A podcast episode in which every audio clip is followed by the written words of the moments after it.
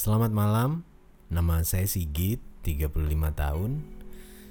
Asal saya dari Jawa Tengah dan saat ini saya bekerja di gudang karet di daerah Kebumen. Ini cerita keluarga kecil saya yang baru lima tahun. Istri saya bernama Ningsi dan anak perempuan kami bernama Kirana. Bersama istri dan anak saya, kami hidup bahagia walaupun sederhana ya. Sekitar empat tahun yang lalu, semenjak Kirana lahir, aku memutuskan untuk uh, berumah sendiri. Walaupun itu tak jauh dari rumah mertua, hanya beda desa. Rumahnya kecil dan sederhana. Halaman depannya uh, sebatas selasa rumah saja, lalu jalan. Namun belakang rumah kami itu luas sekali. Itu berbatas dengan kebun pisang pemilik rumah yang kami kontrak. Keseharian saya bekerja dari pagi sampai sore dan setiap paginya setiap berangkat bekerja saya selalu bersama Kirana sekalian mengantarnya ke taman belajar. Kebetulan dekat rumah. Dan pulangnya ia dijemput Ningsi. Begitu seterusnya setiap hari. Beberapa tahun kami telah tinggal di sana dan satu hari aku merasakan gangguan. Itu saat sore aku berjalan di belakang rumah di sekitar kebun pisang. Itu seperti suara riuh, tidak ada padahal tidak ada orang di sana. Aku melihat hanya angin yang menggoyang-goyangkan daun. Itu ya seperti biasa saja menurutku. Sampai uh, malam pun tiba. Kembali suara itu terdengar juga dari dapur. Aku mulai merasa risih. Aku penasaran. Aku coba keluar dari dapur, lalu kuperhatikan kebun pisang itu.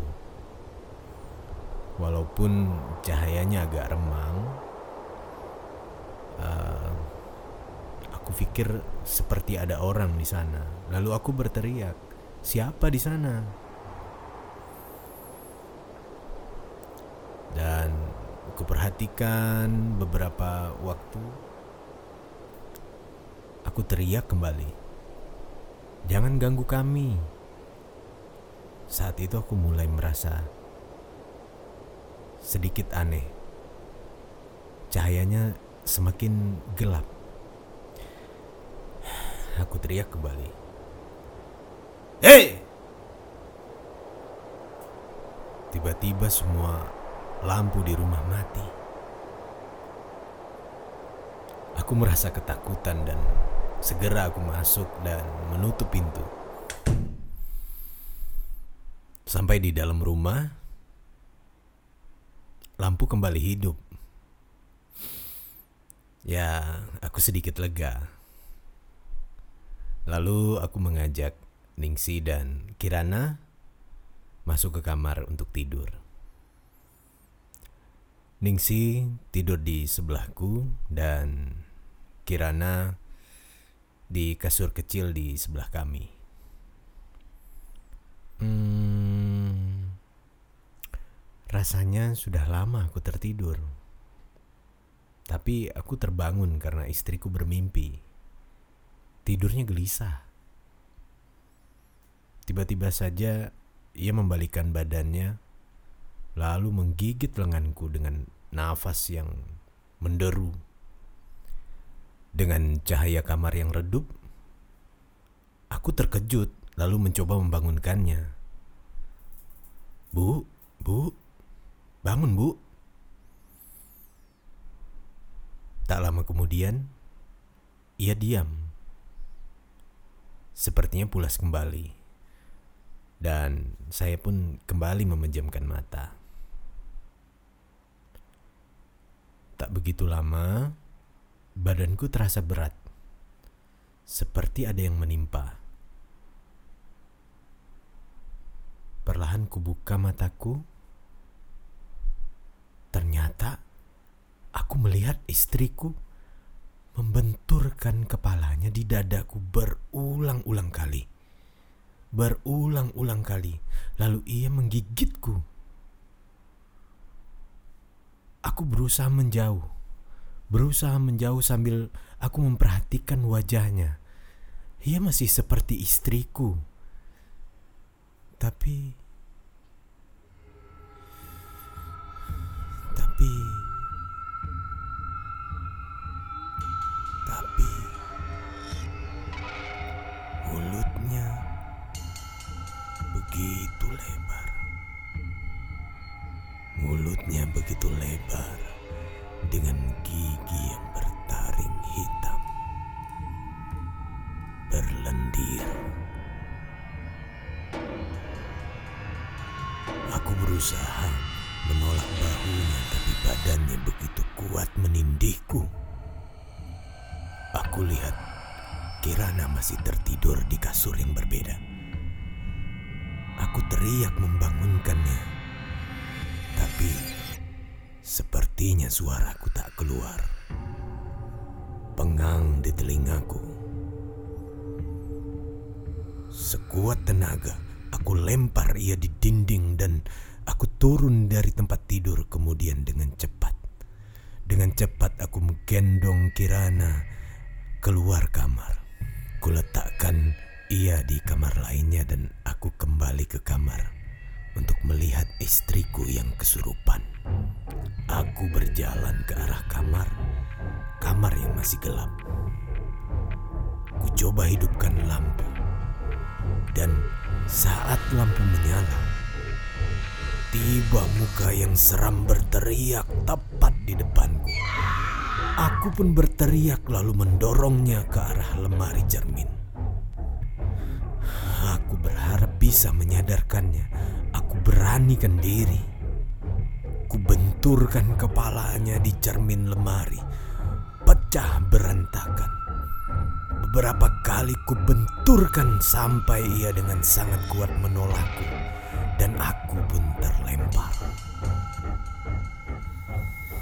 Pandanganku hilang.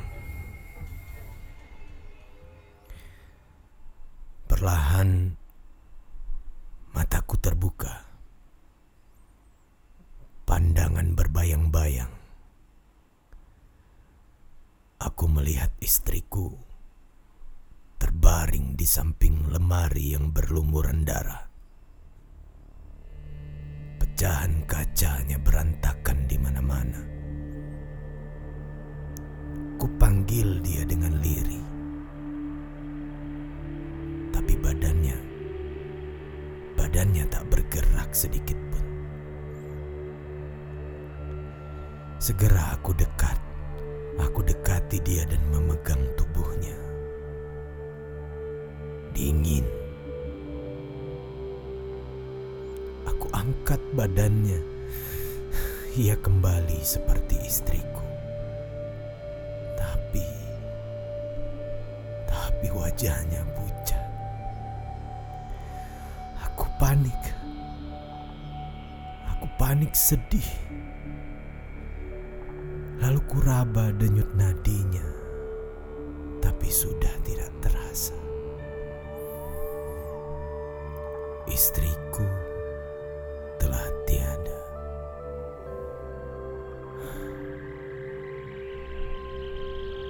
Lama aku memeluknya. Seketika aku berpikir, aku tidak mau Kirana tumbuh besar dengan ibunya yang sudah tiada dan bapaknya yang dipenjara. Dengan air mata yang terus mengalir, aku bopong istriku. Istri yang teramat kucintai. Aku putuskan menguburkan istriku di belakang rumah, di sekitar kebun pisang.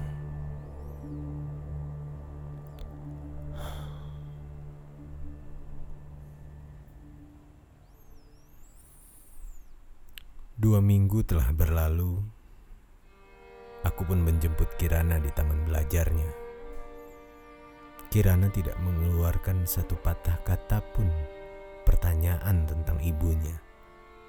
Sedih, tapi bagiku sedikit lega karena aku pun tahu pasti Kirana merindukan ibunya dan aku pun berusaha melanjutkan hidup senormal mungkin.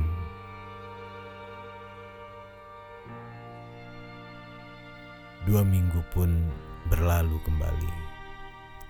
Seperti biasa, aku bangun pagi untuk mengantar Kirana sekaligus bekerja.